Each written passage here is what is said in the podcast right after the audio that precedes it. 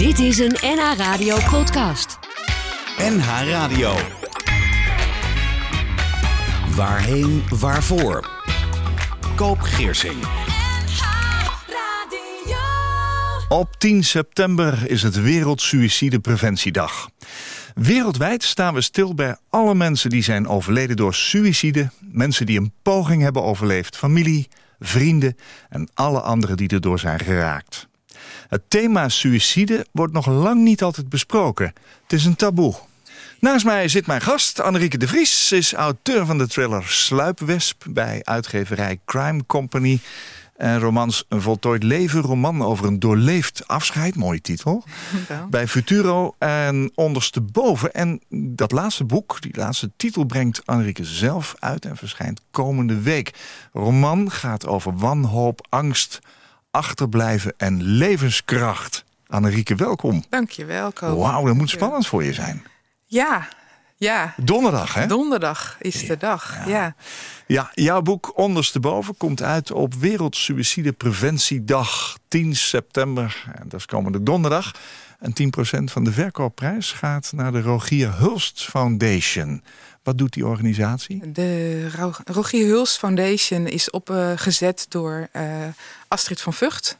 En Astrid die is uh, uh, acht jaar geleden haar, heeft ze haar zoon verloren door zelfdoding.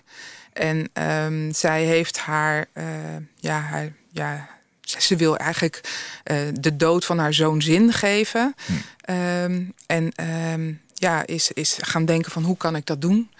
En um, ja, die Rogier Hulst eh, Foundation, dat, dat uh, heeft twee kanten. Het ene uh, is dat, ze, dat het er is voor lotgenoten. En de andere kant is dat ze heel graag Roger That inspiratielabs wil opzetten in steden. Wat zijn dat? Um, inloophuizen waarbij jongeren um, zichzelf kunnen zijn, creatief kunnen zijn, inspiratie krijgen van, van mensen, hun, ja, hun verhaal met name heel erg kwijt kunnen. Ja. En wat heel mooi is, is dat zij heel veel mensen om zich heen verzamelt. Maar ook heel veel netwerken. Zodat uh, ja, eigenlijk de zorg ook een beetje naar de jongeren toe komt. In plaats van dat de jongeren naar de zorg toe moet. Want ja. dat is meestal wel een beetje een probleem bij jongeren. Ja. Die doen dat niet zo snel. Gaan we het over hebben zo dadelijk. We hebben tot acht uur de tijd. Samen met uh, Astrid van Vught. Hè. Je, je, liet haar naam al even vallen. En de bedenker van jouw roman, Caroline de Bes. Ja. Uh, hij zei de vlag om aandacht te schenken aan preventie van zelfdoding. En waarom voel jij je zo betrokken bij dit onderwerp? Um, ja, betrokken. Het was niet zo dat ik, dat ik meteen uh, dacht... ik ga iets over zelfdoding uh, schrijven. Maar Caroline benaderde mij uh, om wat boeken... Een voltooid leven te signeren. En we, we, kennen elkaar vanuit het werk van vroeger. Oh ja. En dus we raakten in gesprek. En ja, Caroline ja, die was wel met zelfdoding in aanraking gekomen... Um, en ja, zij vertelde mij over Astrid, die haar verhaal geschreven wilde hebben. Hm. En ja, dat, dan aarzel je eerst even, want dat is natuurlijk een pittig onderwerp. Moet ik dat nou wel doen? Ja, precies. Ja. En, maar toen ik haar, uh, toen ik Astrid ontmoette, toen ja, zo'n krachtige vrouw en zo'n mooi verhaal, ja. dat ik eigenlijk niet zo heel lang hoefde na te denken. Vooral omdat de, omdat de foundation daarbij uh, zit. Ja. En uh, ja, ik wil heel, heel graag iets maatschappelijks doen. Dat Waarom heeft, eigenlijk? Nou, ik, ik kom uit de zorg. Ik heb uh, 38 jaar uh, op operatiekamers rondgehobbeld. Eerst als operatieassistent, maar ook al snel als leidinggevende. En um, ja, ik moet zeggen, door het boek Een voltooid leven kwam ik al in de palliatieve wereld terecht. In de wereld uh, waar mensen met dood werken. En eigenlijk vind ik die wereld ook wel heel mooi. De mensen die er werken, die, die, die zijn heel uh, betrokken, warm. Uh, samen, dat vind ik een heel mooi woord. Dat trekt je wel aan. Ja, dat trekt me wel aan. En ja, en ik, nu ik zeg maar me even gaan richten op het schrijven. Dacht ah, joh, je wordt schrijver, ja, toch? Je ja, bent het ik ben toch? het al wel. Ja. Ja. ik ben het al wel. Um, ja, dacht ik wel van, van ja, uh, ik wil ook wel wat maatschappelijks doen. Dat voelt wel goed. Ja. Dat hoort ook wel een beetje bij me. Dat zit in je, hè? Ja. Mijn gast in Waarheen Waarvoor is Annerieke de Vries. Ze behoorde 40 jaar geleden tot de beste zwemsters van Nederland. Mm. En specialiseerde zich in de rugslag. In de tienertijd gingen haar hormonen opspelen... en zei ze haar zwemcarrière vaarwel.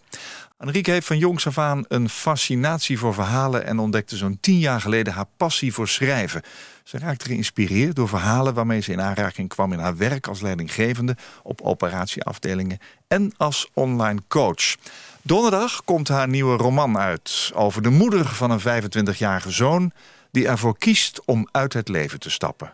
En zijn moeder moet daarna verder. Anrieke, waarom werd het destijds geen zwemcarrière met een Olympisch avontuur?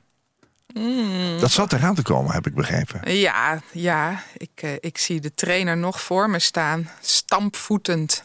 Van Oh ja? jij gaat niet weg.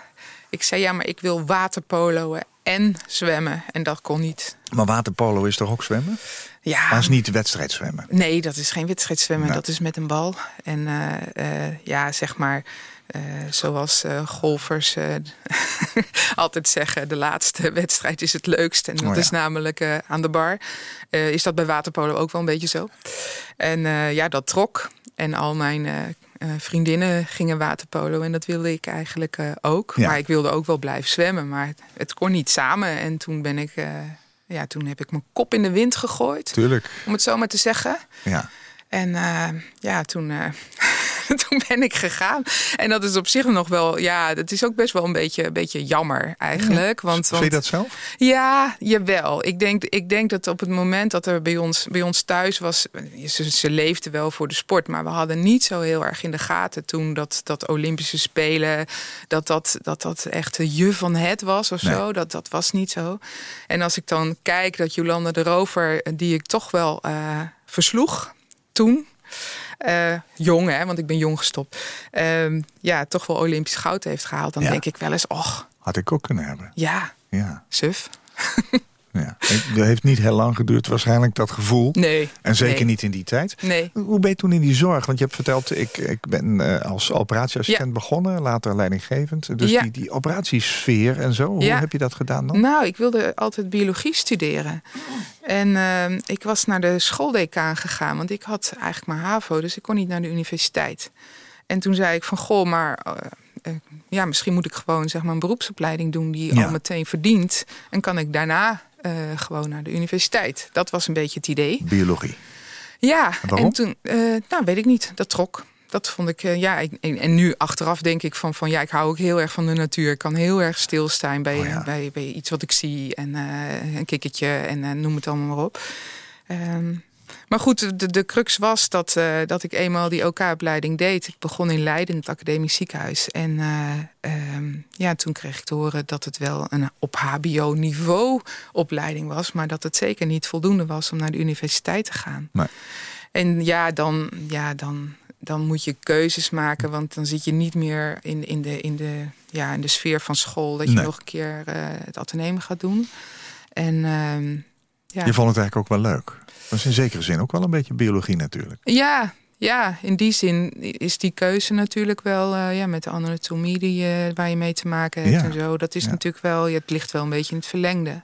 Ja, Ja, dus. Het, was, eh, het voelde wel goed op de een of andere manier. ja, En je bleef. Ja ik bleef. Ja, zou Ja, je kunnen zeggen. ja. Als schrijver zou je kunnen zeggen dat je een beetje een laadbloeier ja bent. Hè? behoorlijk, hè? Want je, hebt 38 jaar in die zorg gewerkt. Ja. En zo'n 10 jaar geleden ontdekte je je passie voor het schrijven. Hoe ging dat? Hoe ging dat? Ja, ik was toen al, eh, eh, ja, ik ben denk ik iets van 25 jaar leidinggevende geweest eh, op, eh, op operatiekamers. Een beetje door het hele land, want ik heb ook als ZZP'er gewerkt. Ja. En eh, ik ging eigenlijk wel naar de congressen voor leidinggevende van operatiekamers. eh. Ehm, en dat, eh, ja, dat zijn grote eh, congressen, in, de, in die zin dat er wel 150 man eh, zitten. En dat is meestal twee dagen. En ehm, na een zware eh, feestavond eh, en weer een programma was na de lunch, wat, als iedereen een beetje inkakt, de tweede dag dus. Er was een soort blij ei wat door de, wat, wat door de zaal stuiterde. En eh, ik kreeg ineens een microfoon onder mijn neus en eh, er werd gevraagd, wat is jouw liefste wens? En ik zei zonder erbij na te denken, een boek schrijven. En daar schrok ik zelf van. En toen dacht ik, hé, hey, die komt van ver. Die moet ik gaan onderzoeken. Ja. En toen dacht ik van, ja, weet je, als je dat zo spontaan zegt... dan Ja. moet je daar ook iets mee gaan doen. Dus eh, Dat heb je ook gedaan. ja, dat heb ik gedaan. Dan heb je een thriller geschreven. Ja, ja. Sluipwesp. Sluipwesp, ja. Ja. Hoe is die ontvangen? Ja, goed. Als debutant zeker goed. Nou, zeker, ja. Ehm, maar ja, ja, wel goed. Fijn. Je bent nu eigenlijk gewoon schrijver, want Ja. je, je stopt met dat andere werk, zullen we maar zeggen. Eh, als spreker geef je ook zelflezingen. Hè? Je hebt al verteld eh, over, over een vorig boek wat je gemaakt hebt, wat Ja. met je moeder te maken heeft. Dus Ja. daar komen we straks nog wel eventjes op. En je wil van het schrijven gaan leven. Dus je geeft ook nu je eigen boek uit. Ja. Knap is dat. Die roman, hè, ondersteboven heet die, ehm, heb je min of meer in opdracht geschreven, hè? vertelde je. Ja. Hoe, hoe, hoe was dat? Ja, eigenlijk door een, een soort van toevallige ontmoeting.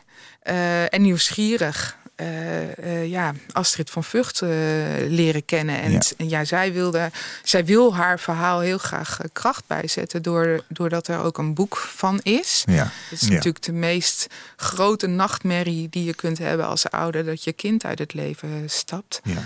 En eh, dus zij wilde heel erg graag zijn voor lotgenoten. Ja. En dat doet ze ook. Hè. Ja. Ze gaat ook rouwretretes geven. Heel mooi. Oh, dat doet ze zelf, hè? Ja, dat doet ze zelf. Eh, maar ze wil ook iets betekenen voor jongeren. Eh, want ze heeft wel gemerkt dat haar zoon Rogier, die, die heel creatief was, ehm, ja, dat hij eigenlijk niet goed ehm, een plek kan geven. En als ik haar goed kan heb beluisterd en ik kijk naar mijn eigen kinderen en, en wat, wat er zeg maar eh, allemaal om mij heen gebeurt aan jeugd.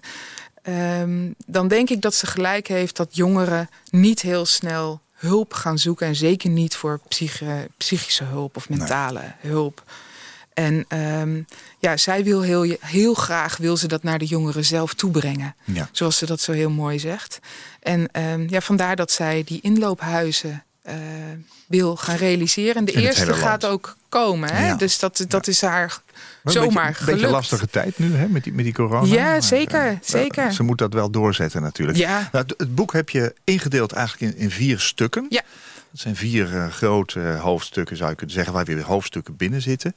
En dat relatie met haar zoon heb jij eigenlijk verwerkt door steeds tussen een aantal hoofdstukken in een klein stukje, eh, waarbij je altijd boven zet hoe oud hij is Ja. op dat moment. En dan pak je zo'n jaar Ja, uit zijn leven, waardoor je ook de relatie met die zoon eh, leert kennen. ja. Maar je hebt ervoor gekozen om een roman te maken. En, Ja. en niet, een, niet een, zeg maar een biografie of zo. Of het hele verhaal gewoon letterlijk vertellen. Het wordt vanuit de hoofdpersoon geschreven. Ja. En in, in wezen is dat ja, gebaseerd op Astrid, haar leven. Ja. En ehm, we hebben samen besloten om er eh, eh, ja, een roman van te maken. Dat was in eerste instantie al de keus, omdat er natuurlijk heel veel zelfboeken zijn over rouw. Eh, maar eigenlijk heel weinig romans. Dus wat beleeft iemand nu in die tijd? dat, je, dat, je, ja, dat, dat het op zijn heftigst is. En hoe kom je daar dan een beetje uit? Want helemaal verdwijnen gaat dat natuurlijk nooit, rouw. nee. Dus dat, dat was de eerste keus. Dus we willen een roman. Vandaar ook die vier eh, delen eigenlijk. Hè? Want dat zijn eigenlijk de rouwtaken die er dan, dan zijn. Gaan we het straks over hebben. Ja, Ja. en ehm, we hebben gekozen dat het, ehm, ja, dat, dat het een op waarheid beruste roman is. En dat hebben we ook heel bewust gedaan. Omdat er natuurlijk om Rogier, haar zoon, eh, zoveel mensen hangen die verdriet hebben Ja. eh, over zijn eh, dood. Dat, dat ehm, ja, iedereen moet daar zijn eigen rol in kunnen blijven behouden. En Mhm. die moeten niet afgeleid worden van... ja, maar dit is niet zo gebeurd. Of dat is niet helemaal waar. Of, Of dat is je keuze ja, geweest. dat is de keuze geweest. je hebt ook dingen verzonnen dus. Zeker, om het, zeker. Om het eh, prettiger leesbaar te maken. Ehm, bijvoorbeeld? Nou, het heeft ook een, een schrijftechnische kant. Want je, je, je, als je een roman schrijft, dan moeten daar natuurlijk bepaalde spanningsbogen in Ja. zitten om de lezer te blijven boeien. Dus dat is het. En het bleek wel dat alle facetten. En dan heb ik het gewoon over wat eikpunten uit het leven van Astrid. Die pasten eigenlijk wel heel goed in die. In die eh, ja, in, in, in zo'n roman, zeg maar. Ja. Je hebt het over die spanningsbogen. Dat vond ik wel interessant. Want die, die komen eigenlijk heel mooi overeen met die vier Ja. rouwtaken. hè? ja, ja. Waar we, het, waar we het zo meteen over gaan hebben. Ehm, dus je hebt dingen verzonnen om het toch spannend te houden. Eh, Ja, maar ook maar- om maar te ook- zorgen dat mensen niet achteraf kunnen roepen van... ja, maar dat is niet in werkelijkheid zo Ja, ik heb het, ik heb het Ja. gemerkt bij het boek van mijn moeder. Wat, wat natuurlijk, die heb ik ook vanuit. Voltooid leven. Ja, een voltooid leven. Eh, dat heb ik vanuit mijn moeder durven schrijven, kan Ja. ik bijna zeggen. Eh, en ik merkte wel dat, dat ehm, haar zussen, zus en schoonzus met name, dat die het lastig vonden eh, omdat ze zeiden, ja, maar Anne, zo, zo is het niet gebeurd. Ik zeg, nee, maar in de beleving van mijn moeder... en eigenlijk ook in, in mijn beleving dus, want ik heb het geschreven... is dat wel zo.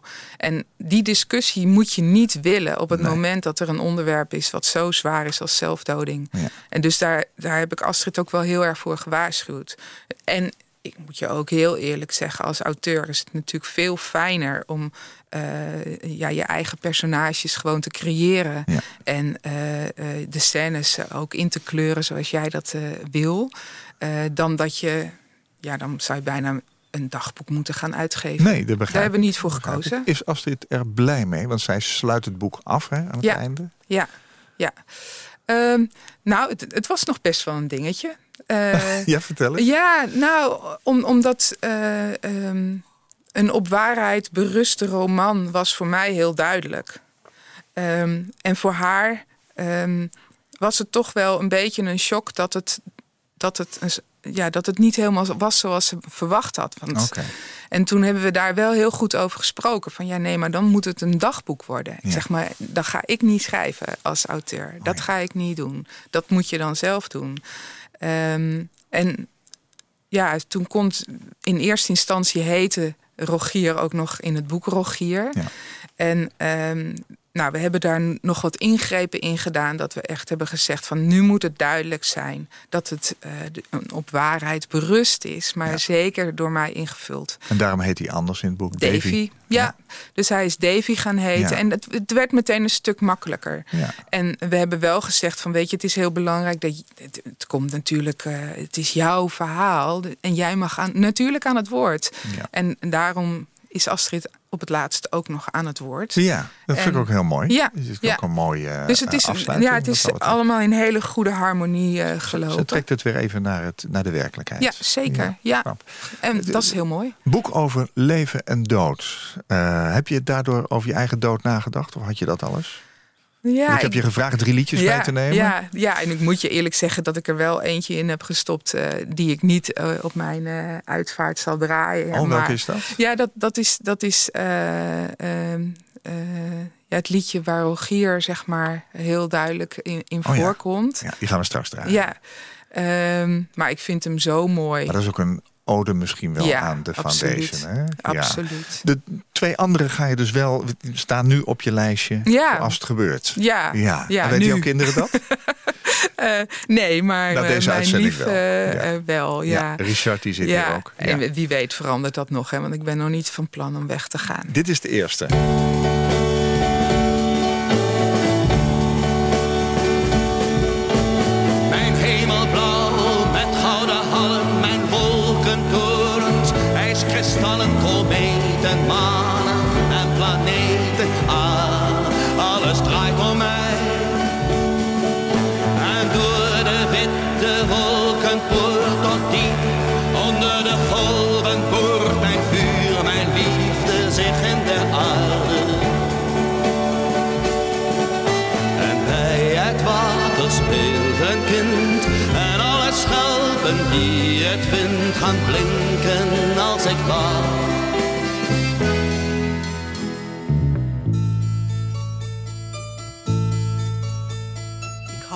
Van je warmte op mijn gezicht.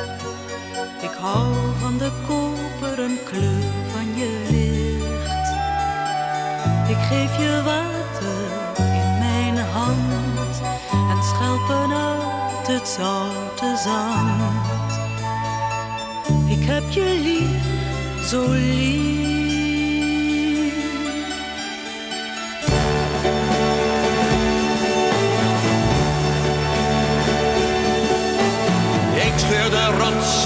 Met mijn stalen verhoogde meren In de dalen en onweersluchten doe ik vluchten aan Als de regen valt. Verberg je ogen in mijn hand Voordat mijn glimlach ze verbrandt. Mijn vuur, mijn liefde, mijn gouden ogen. Is beter als je nog wat wacht, want even later komt de nacht en schijnt de koele maan.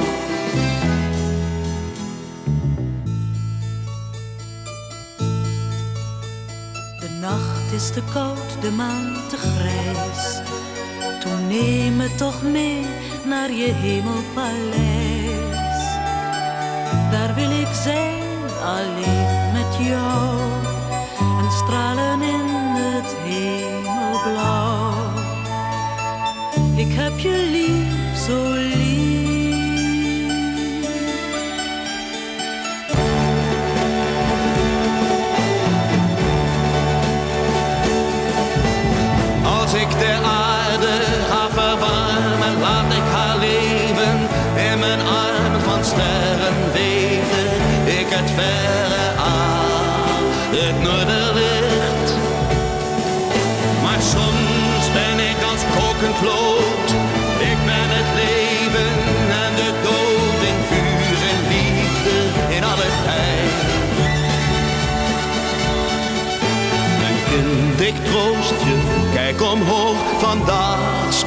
mijn regenboog, die is alleen voor jou.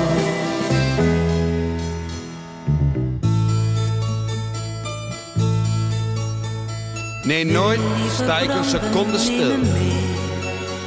Geen mens kan mij dwingen wanneer ik niet wil. Geen leven dat ik niet begon. Je kunt niet houden van de zon.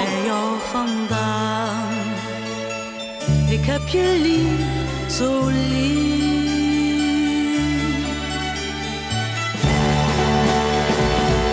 Ik heb je lief, zo Ik heb je lief. Zo lief. Pastorale gesprek tussen de zon, Ramses Shaffi en de aarde. Gezongen door Lisbeth List als een meisje dat op het strand loopt. En dat werd allemaal gemaakt in 1968. Waarom staat deze op jouw lijst? Ik vind hem zo prachtig. Ja. En ik vergeet hem ook altijd weer, totdat ik hem weer hoor. En ik vind hem. Ja, ik vind het samenspel tussen die twee mensen vind ik zo mooi. Ja. Intrigerende man. Ja. Eh, Oh ja. Ja, en dat bombastische. En ik dacht van, nou, dat hoort wel in een aula. Ja? Dat vind ik, ja, dat vind Ja. ik wel Op mooi. welk moment? eh, Als je de- kom je Oh, binnen met deze zo, muziek? eh, Of wordt er een verhaal over je verteld en dan dit erachter? Ja, denk het laatste. Denk het laatste. Van, nou, het mag best een beetje krachtig. Ja, ja, dat past wel bij jou. Ja. Ja, leuk. Annerieke de Vries is vandaag mijn gast. Zij schreef het boek ondersteboven dat komende donderdag eh, iedereen eh, kan kopen, denk Ja, ik. Hè? zeker. Ja. Ja. Ehm, het mooie is, je hebt een paar keer verteld dat er veel creativiteit in die Rogier Hulst Foundation zit. Hè? Ook, Ja. ook jongeren met creativiteit. Dat is een heel breed begrip. Maar Rogier zelf was ook een creatief. De omslag van het boek heb je van een van zijn werken Ja. zeg maar, mogen gebruiken. Ja. Wat stelt het voor? Nou, het is, het is wel, ja, het is, het is een hele drukke omslag. Ja, en ik ben een- heel blij dat ik het zelf uitgeef, want ik denk dat de omslag er anders niet op was gekomen. Oh, serieus? Ja, serieus. Ehm, en ja, ik stuurde de foto zonder er iets van te zeggen naar mijn dochter. En die appte direct terug. Zo, dat is een vol hoofd. Ja. En Ja. ik denk dat dat heel erg typeert voor de omslag. En zo zag Rogier zichzelf ook. ja, hij had een vol hoofd Ja. en hij stapte eruit. hè? Ja, ja, hij had een heel vol hoofd met, met heel veel ehm, ja, opdrachten waarvan hij, eh, ja, of, of opdrachten, ja, hoe hij dat zich zo helemaal Ja. herinnert of, of voelde, dat kan ik natuurlijk nooit inleven. Maar dat, dat hoogsensitieve, wat tegenwoordig best wel weer, dat, ja, daar is wel wat meer over bekend. Eh, toen hij eh, die leeftijd had, was er wat minder over bekend. Maar dat hoogsensitieve, die voelsprieten, zijn eigen verwachtingen die heel hoog waren, dat eh, heb ik van zijn moeder begrepen, had hij heel sterk. Ja. Ergens in jouw boek schrijf je een tekst. En dat zou zijn afscheidsbriefje kunnen zijn geweest. Waarbij hij ook besluit met woorden van het is goed zo. Ja. Als het ware, hè, als Ja. ik het samenvat. Ja, Ja, en daar eh, eh, spreekt de hoofdpersoon in het boek eh, de woorden uit van ik ben zo blij dat ik dat nu weet. ja. Ehm, hoe heb jij je in het onderwerp suïcide verdiept? Ehm, Heb je alleen gesprekken gehad met Astrid of heb je andere dingen gedaan? Nee, ik heb niet zo heel veel andere dingen gedaan. Ik, ik wilde. Waarom ik dacht dat ik het meteen wel zou kunnen schrijven, is inderdaad omdat ik zelf ook wel heel hoogsensitief ben. En ik heb een dochter die dat uh, heel erg heeft. En um, wat betekent dat? dat hoogsensitief dat is dat je eigenlijk alle prikkels die er zijn, dat die dubbel zo hard binnenkomen en misschien wel tien keer of honderd keer zo hard. En dan moet je denken aan getik uh, op een tafel, wat irritant kan zijn. Ja. Tot um, uh, de spanning die je bij twee mensen voelt als je in een restaurant komt en denkt van hé, hey, wacht even, die hebben ruzie. Dus dat gaat best wel ver. Gewoon antennes. Je hebt zo, zo ja. veel antennes. Uh, en de kunst is natuurlijk om die, om die een beetje uit te zetten. Ja. En dat lukt niet altijd. En dat maakt dat het heel vermoeiend is om, uh, om, om zo hoogsensitief te zijn. Ja. ja. En jouw dochter heeft dat ook. Ja. Uh, kunnen jullie het daarover hebben? Ja, zeker. Ja? Zeker. Ja, ik, ik, ik, was ook toen zij was een jaar 15 toen ik erachter kwam dat zij dat had. En op zich is dat wel een mooi verhaal. We zouden de dag daarna op vakantie gaan. Uh, en ik las uh, nog eventjes op de bank een interview van Mathilde Santing. Ja. En die vertelde dat ze hoogsensitief was. Oh ja. En ik dacht, hé, hey, wacht eens eventjes. En zij noemde een boek. En ik ben de titel vergeten en de naam ook, sorry. Uh, maar um, um, ja, dat ben ik meteen nog even gaan kopen. Het was donderdagavond en dat hebben we in het vliegtuig naar Kroatië... hebben we dat samen gelezen. Daar zat ook een zelftest bij. En toen werd duidelijk oh. Wat er gebeurde. Ja. En dan moet je je voorstellen dat mijn dochter uh, ook op tribunes bij waterpolo zat. Mijn zoon uh, die heeft in zijn jeugd ontzettend goed gewaterpolo'd op hoog niveau. En dat is een heksenketel in zo'n in zo'n ja, zwembad. Er zijn nogal wat prikkels. Ja, dat kun je wel zeggen. Ja. Omdat dat natuurlijk ook heel erg galmt. Ja. En ja, dus voor de wedstrijd uh, begon was Lotte eigenlijk altijd al, al helemaal uit haar doen. En we hebben haar gewoon uh, oortjes gegeven, een rustig muziekje totdat de wedstrijd begon. En dan kon ze in Ja. de wedstrijd kon ze het wel handelen. Ja. maar ja, daarvoor, dat, jij- dodelijk vermoeiend. Kun jij het redelijk uitzetten? Ben je, Ehm, ben je inmiddels zover? Nou, ik, ik, denk, ik denk, ja, ik heb dat op de een of andere manier wel geleerd. Al moet ik zeggen dat ik nu ik gestopt ben met het leidinggeven op operatiekamers, dat ik wel merk van wow, ik heb mezelf wel heel wat aangedaan Oké. qua prikkels.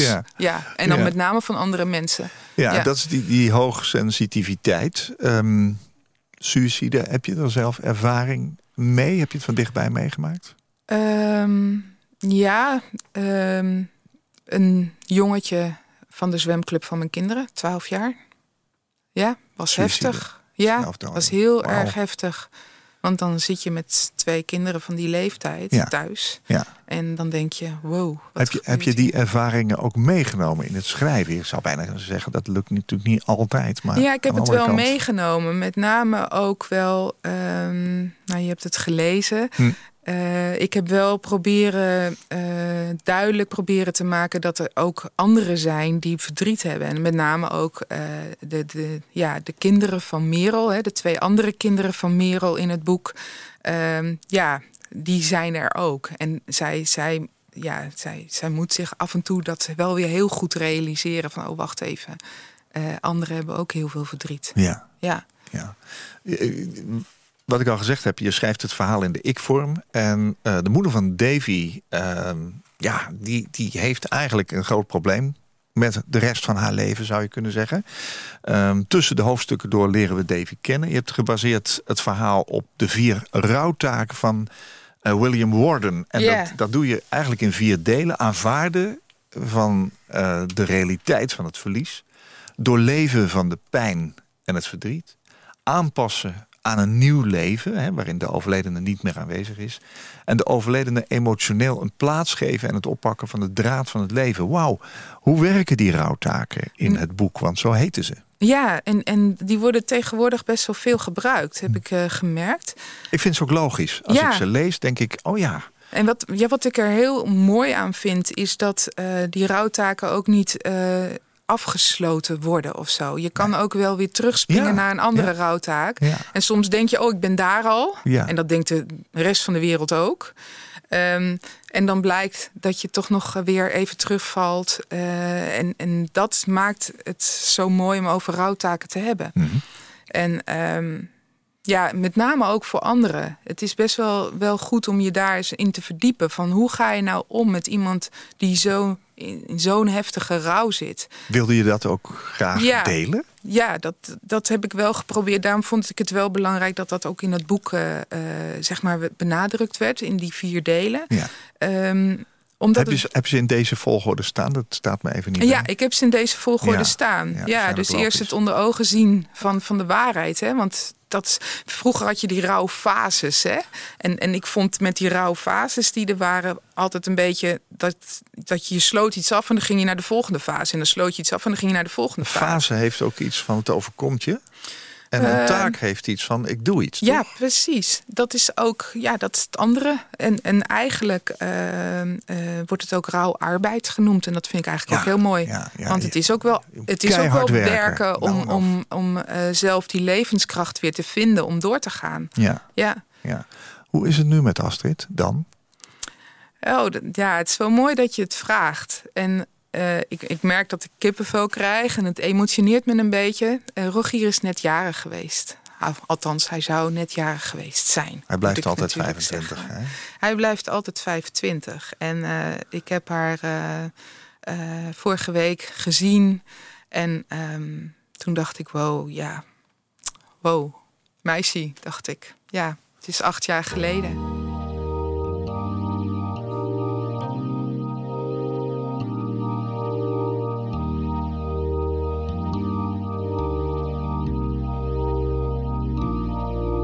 You try your best but you don't succeed. When you get what you want but not what you need. When you feel so tired but you can't sleep. Stuck in reverse.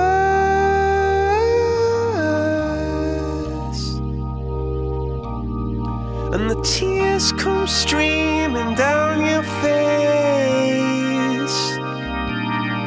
When you lose something you can't replace. When you love someone but it goes to waste. Could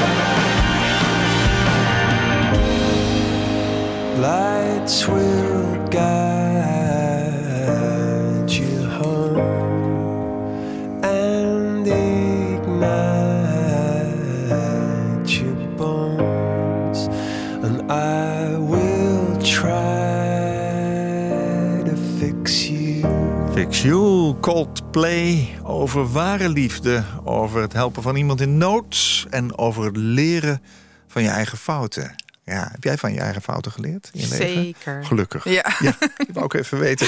Eh, eh, Wat heb jij zelf geleerd over zelfdoding, suïcide... door het schrijven van deze roman? Wat zie je bijvoorbeeld nu anders dan dat je voorheen zag?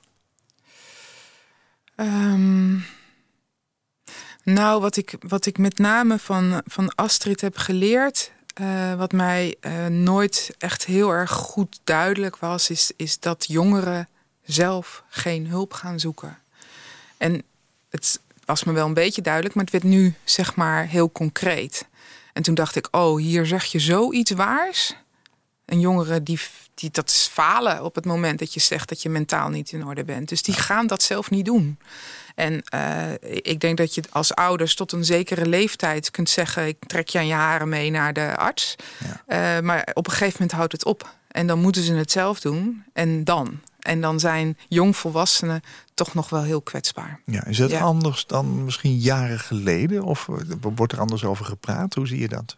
Nou, ik, ik, ehm, Je vond blijkbaar dat het ook nodig was om dit boek te schrijven. Ja, ik vond het, ik vond het wel heel nodig. Ik, ik, ja, nee, ik heb, ik heb zeg maar.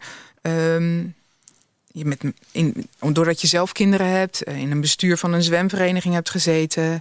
eh, doordat ik leidinggevende op een OK ben waar je met medewerkers eh, praat die met hun kinderen worstelen. En dan bedoel ik worstelen in de zin van het gaat niet goed met ze, maar wat Ja. moet ik nou? Ja. Ehm, ja, dat heb ik zoveel gezien. Ja. De- ik denk dat er zoveel mensen, eh, of jonge mensen, eh, gewoon worstelen met zichzelf in een bepaalde leeftijd. En je moet er maar door, doorheen zien te komen.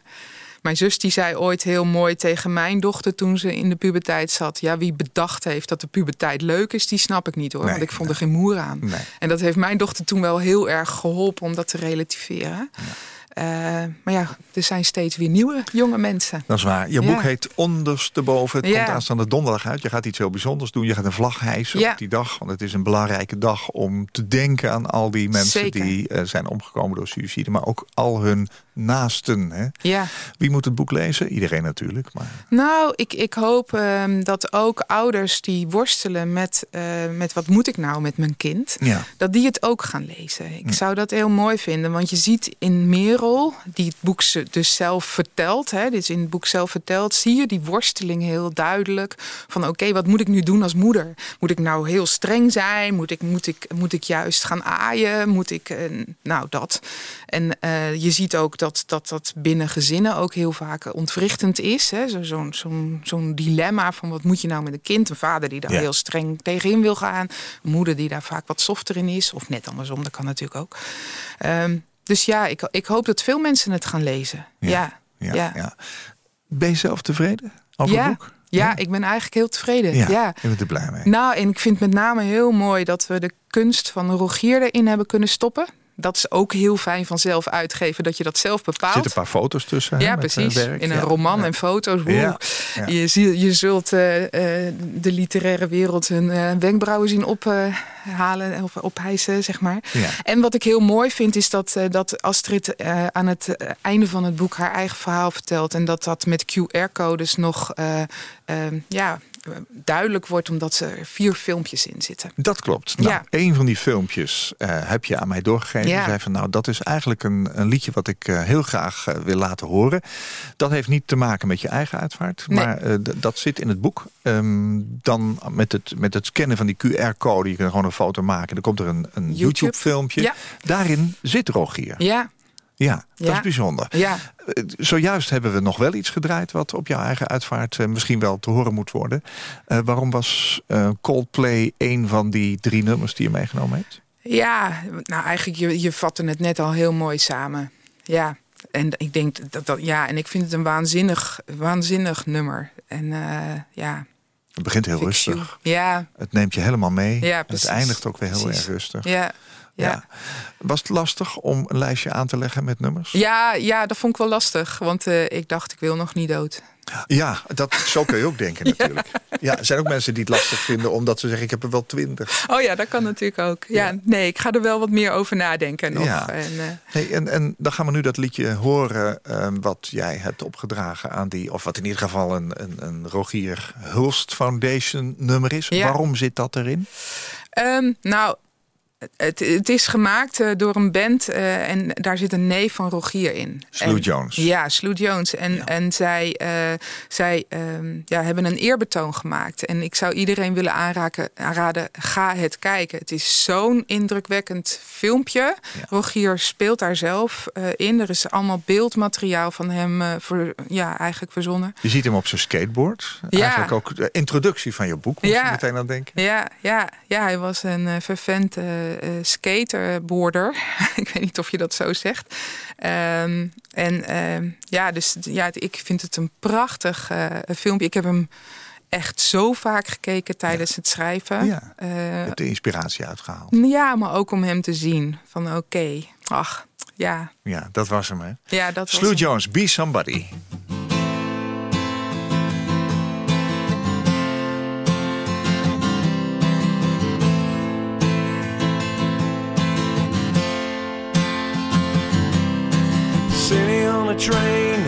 To the country. I need some time alone. Staring at the train tracks, I'm gonna leave the city, the city where I don't belong. Will I be, be somebody?